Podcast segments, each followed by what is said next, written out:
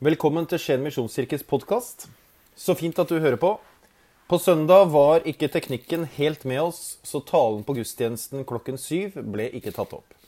Og Derfor er dette opptaket gjort i ettertid. Dette er siste del av den treukers serien For en tid som denne. Og denne talen har overskriften Talent. I sangen 'Skuddsikker' så sier Trygve Skau Jeg bare tenker sånn. På sånne ting som pappaer tenker på. Som om jeg kunne gjøre deg skuddsikker. Gjøre sånn at alt ble trygt og bra. Sånn at du skøyt i krysset, og alle sto og klappa. En av mine viktigste oppgaver som pappa er å hjelpe barna mine til å tro på seg selv. At de klarer. At de kan få til. Samtidig så ligger det i meg et stort behov for å beskytte, for å passe på. For jeg vil gjerne sørge for at du skyter i krysset, og at alle står og klapper. Og jeg tror de fleste av oss som foreldre klapper høyest når våre barn treffer ballen på fotballbanen, når tegningen som jeg hentet i barnehagen denne uken av tre skeive juletrær i september, kommer hjem med en stolt femåring. Da klapper vi. Vi klapper når de øver, vi klapper når de får det til, og vi støtter dem når de strever. Det var mange som klappa for meg når jeg var liten, og jeg håper at også mange klappa for deg. At de sto og klappa. Men hvordan er det i dag? Hører du at folk klapper for deg? Lytter du etter lyden av klapping? Og det er mange av oss som fremdeles lytter etter lyden av klapping. Bra gjort! Du er så flink! Det er så bra å høre deg. Du er så flink til det. For det ligger i bunnen av vår personlighet et behov for å oppleve klapping i livet i større eller mindre grad. Det å leve med en opplevelse av at folk står og klapper. Når vi blir voksne, så kan det være litt strevsomt hvis vi skal gå gjennom livet og se etter mennesker som klapper for oss hele tiden. For de klapper kanskje ikke like høyt. Men likevel ser vi rundt oss for å se om noen står og klapper. Og jeg tror også at når vi blir voksne, så blir vi dårligere på å gi hverandre gode tilbakemeldinger. Vi er ikke så gode til å klappe for jevnaldrende. Assisterende fylkeslege hos Fylkesmannen i Vestfold og Telemark, Bjørg Klemetsdal, sa på fredag følgende om hvilke elementer som må være til stede for å oppleve god livskvalitet. Det første er folk. At man har et sosialt fellesskap. Det andre er opplevelser. Å oppleve gode ting. Det tredje er at det er innhold i livet. At det er et meningsfullt innhold. Så kommer det samtaler, latter, sang og ikke minst frisk luft. Filosofen Aristoteles sa at lykke handler om å utfordre eller utfolde vår evne til tenkning. Altså, lykke handler ikke om berømmelse, sa han, eller rikdom eller nytelse. Men lykke handler om å virkeliggjøre alle våre iboende, naturlige muligheter. Epikur, en annen gresk filosof, sa at lykke er fravær av bekymring. Og da nevnte han ro eller sinnsro. Det å leve et enklere liv. At vi demper dødsangsten vår. Kort fortalt fravær av bekymring. Jesus sa i Johannes 14, kapittel 27, Fred etterlater jeg dere. Min fred gir jeg dere, ikke den fred som verden gir. La ikke hjertet bli grepet av angst og motløshet. Paulus skriver i brevet til Galatermenigheten i kapittel 5 vers 1.: Til frihet har Kristus frigjort oss. Stå derfor fast, og la dere ikke tvinge inn under slaveåk igjen. Og da kan jeg oppsummere og si at lykke, Det handler om vår evne til å tenke. Det handler om fravær av bekymring. Det handler om å oppleve Guds fred. Det å være fri. Et sosialt fellesskap, sosial tilhørighet og ikke minst frisk luft. Dagens tema det er talent. Og Jesus forteller en lignelse som vi har kalt for lignelsen om talentene.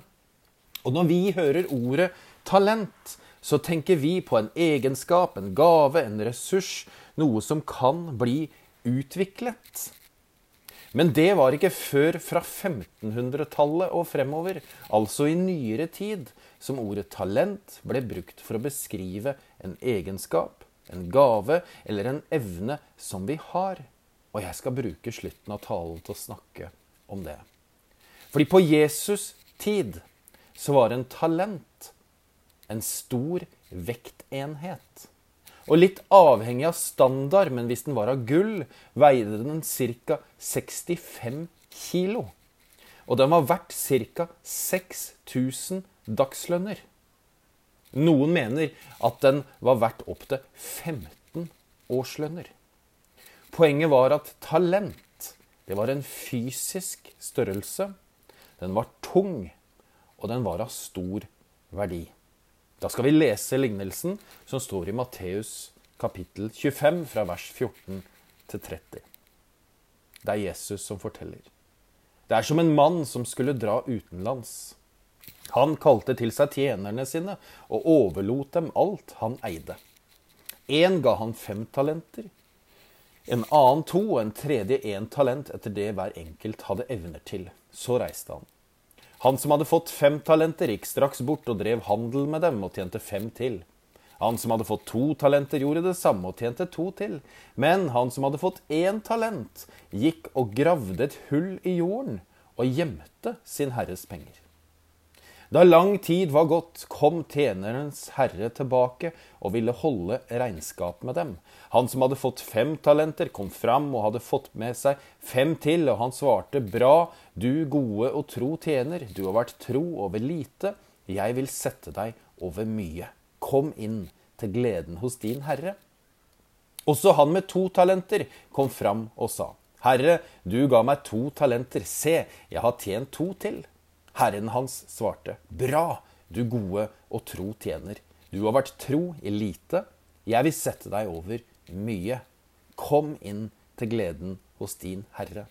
Så kom også han fram, som hadde fått én talent, og sa, Herre, jeg visste at du er en hard mann, som høster hvor du ikke har sådd, og sanker hvor du ikke har strødd ut. Derfor ble jeg redd, og gikk og gjemte talenten din i jorden. Se, her har du ditt. Men Herren svarte ham, du dårlige og late tjener. Du visste at jeg høster hvor jeg ikke har sådd, og sanker hvor jeg ikke har strødd ut. Da burde du ha overlatt pengene mine til dem som driver med utlån, så jeg kunne fått dem igjen med renter når jeg kom tilbake. Ta derfor talenten fra ham, og gi den til ham som har de ti talentene. For den som har, skal få, og det i overflod. Men den som ikke har, skal bli fratatt selv det han har. Og kast den unyttige tjeneren ut i mørket utenfor, der de gråter og skjærer tenner. Dette er en krevende tekst. Det er en tekst som er blitt misforstått. Og det er en tekst som er mulig å bruke på en helt annen måte enn det Jesus egentlig mente. For noen vil si, ut ifra denne teksten, at dersom du ikke bruker talentet ditt, altså det du er god på, så vil du bli fratatt det du selv har, og kastet ut i mørket der de gråter og skjærer tenner. Men er det det Jesus sier? Så kan vi spørre oss hvor ble det av kosebamse Jesus? Hvor ble det av kjærlighetens Gud? I denne historien? Hvor ble det av rettferdighetens Gud? Hvor ble det av nådens Gud i denne historien? Når vi leser Nytestamentet, også når vi leser Bibelen som helhet, så er det noen ting som er utrolig viktig. Vi bør vite hvem som snakker, hvem det snakkes til, hva er det som faktisk formidles, og hva er konteksten, altså situasjonen de står i. Disiplene de hadde vært sammen med Jesus i tre år. Og Denne lignelsen her sies i sammenheng med mange andre lignelser som Jesus forteller til disiplene. Han snakker om en tid med forfølgelse og trengsel av hans etterfølgere. Han snakker om at Guds ord står fast til evig tid. Han snakker om å være våken og ikke sovne. Og han snakker om et bryllup hvor noen blir med, mens andre ikke. Og Jesus bruker sterke ord i disse lignelsene for å beskrive hva evangeliet egentlig handler om. Gjennom hele Nytestamentet kan vi lese at Jesus går i rette med de religiøse lederne, fariseerne og de skriftlærde. De som egentlig skulle bane veien for mennesker inn til Gud, brukte i stedet all sin tid på å gjøre det vanskelig for mennesker å komme i relasjon til Gud. Og denne lignelsen er en del av en voldsom tirade mot fariseerne og korrupsjonen ved tempelet. For de lagde regler som gjorde det svært vanskelig å komme frem til nådestolen i tempelet. Jesus sitt budskap er at han baner veien inn til nådens stol, nådens trone. Han åpner veien, fordi nå skal det være slutt på stengte veier inn til Gud, for nå går alt gjennom Jesus. Det er han som er veien for alle mennesker. Fariseerne nekter folk å ta imot evangeliet til Jesus, og Jesus er knallhard. Fordi de er som han som graver ned talentet sitt. De prøver å bevare noe gammelt, noe de har satt masse egne regler på. De graver ned budskapet om nåde, og de holder det for seg selv. Jesus sier at dere gutter, dere er formidlere av noe helt annet. Dere er formidlere av noe levende, noe som skal ut i verden. Det er nådens natur. Den vil ut, den vil spres, den vil ut i verden. Nåden vil bli mangfoldiggjort. Og det å begrave talenten, det er å begrave nåden. Hemmeligholde den, gjøre den vanskelig å få tak i, bare beholde den for seg selv. Men den skal deles, den skal spres, den skal ut, den skal være åpen. Vi er ikke kirke bare for oss. Vi er kirke for alle mennesker. Guds rike er for alle mennesker, ikke bare for noen spesielt utvalgte som fikser livet sitt. Det er jo her Jesus er ubehagelig tydelig i forhold til hva som skjer dersom du graver den ned, holder det borte fra folk og nekter å gi den videre til andre. Paulus sier i starten av alle sine brev Nåde være med dere og fred fra Gud vår Far og Herren Jesus Kristus. Nåde fra Gud til oss. Nåde fra medmennesker til oss, og nåde fra oss til andre mennesker. Nåden det er en sirkel som kommer fra Gud, gis videre via mennesker, og som vi er kalt til å gi videre. Og hvis vi holder nåden for oss selv og tar imot Guds nåde, så gir vi den videre. Men hvis vi er unådige med andre mennesker, nekter dem nåde, tilgivelse, fred, så har vi verken forstått hva evangeliet handler om, og vi har også gravd ned budskapet. Vi er kirke for en tid som denne, for mennesker som lever i dag, som tenker annerledes, enn meg, som tror annerledes enn meg, og som lever annerledes enn meg. Men selv om de lever annerledes, tror annerledes, tenker annerledes, så er jeg kalt til å spre videre kjærlighet og nåde fra Gud til dem. Fordi kristen tro er nemlig ikke bare noe som skjer på søndag kveld eller formiddag eller når du er i kirken. Kristen tro er å være en etterfølger av Jesus i hele livet vårt. På jobben, hjemme, i butikken, og i møte med den sinna naboen. Vi er kalt til å være nådefulle mennesker som går lenger, som strekker seg lenger, og som tar imot, og som gir videre. Den siste uken har jeg tenkt på hvor godt må jeg ha det før jeg kan gjøre noe godt mot andre? Altså, Hvor godt må vi ha det i kirken vår før vi tenker at vi kan gjøre noe godt mot andre? Eller hvor godt må vi ha det i samfunnet vårt før vi kan gjøre noe godt mot andre? Eller er det sånn at gjennom å gjøre godt mot andre, så får vi det godt selv? Er det sånn at gjennom å bidra med det Gud har gitt oss av talenter, gaver, kompetanse og interesser, så utvikler vi det gode liv? Gjennom å ikke bare tenke på oss selv, men å være nådefulle. Gjennom å ikke bare være på mottakersiden, men gjennom å være på giversiden. Er det der nøkkelen ligger? Gjennom å spre det gode så smitter det gode også over på oss. Gjennom å bidra med våre gaver, talenter, evner og kompetanse til å spre Guds godhet og nåde videre til andre mennesker. Det kan hende at du tenker at 'jeg har ingenting å bidra med'.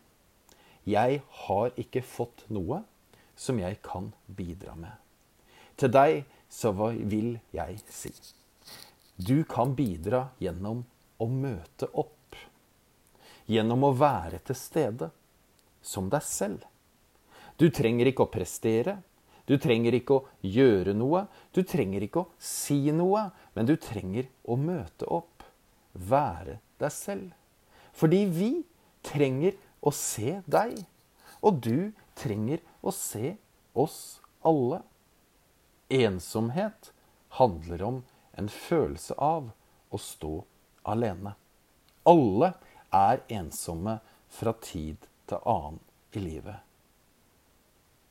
Men jeg og du trenger å oppleve og se at vi ikke står alene. Fordi heiaropene når vi er voksne, det skjer ofte gjennom fellesskap. Heiaropene skjer gjennom blikk. Heiaropene skjer i kontakten mellom mennesker, og da må vi være til stede. Fordi gjennom at vi opplever hverandre, så opplever vi Guds godhet, nåde og kjærlighet gjennom hverandre i trygge, gode og relasjonelle fellesskap. Fordi vi holdt det ikke for oss selv. Eller vi holdt oss, ikke for oss selv. Vi delte raust av tid, ressurser, talenter, nåde og fred. Når Gud skapte deg, så skapte han deg med et fingeravtrykk av seg selv. Full av kjærlighet. Du er skapt med uendelig verdi for Gud, og det håper jeg at du vet. Du er skapt med hans egenskaper. Du er skapt med hans iboende kreativitet og skaperkraft. Og han har gitt deg og meg ulike gaver og talenter. Men hva gjør vi med talentene våre? Hva gjør du med ditt talent? Det du er gitt. Bruker du det, eller graver du det ned? Deler du det frimodig? Eller venter du på at noen skal se det og klappe det frem? Jeg lurer på hva ville skje dersom du og jeg bestemte oss for at vi denne høsten ville begynne å klappe for andre igjen? Hva ville skje med deg? Hva ville skje med oss som kirke og fellesskap? Hva ville skje med naboen din dersom du klappa han eller henne frem? skrøt av han, heia han fram, løfta han opp og var raus. Det er å være kirke for en tid som denne. En kirke som er raus nok og stor nok til at det er plass til oss alle, med alt som livet fører med seg. hvor vi, som er etterfølgere av Jesus Kristus, er mer opptatt av å dele de gode nyhetene, evangeliet, budskapet om nåde, fred og frihet, enn å skulle plassere mennesker innenfor en trang boks og ramme. For det er nemlig i friheten, i luften, som evangeliet lever og vokser. I fri luft, i frisk luft. Det er der nåden får stort rom. Skal vi be sammen? Far i himmelen, hjelp oss til å skape en kirke som heier. Hjelp oss til å være en raus kirke.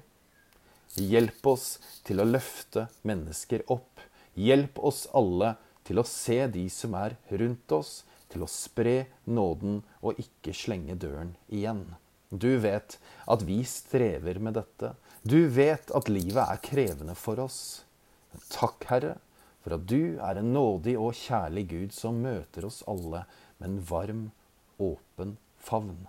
Og så ber vi om at denne åpne favnen, full av nåde og kjærlighet, også skal prege våre liv. Fordi vi vil ikke være en kirke som har nok med oss selv.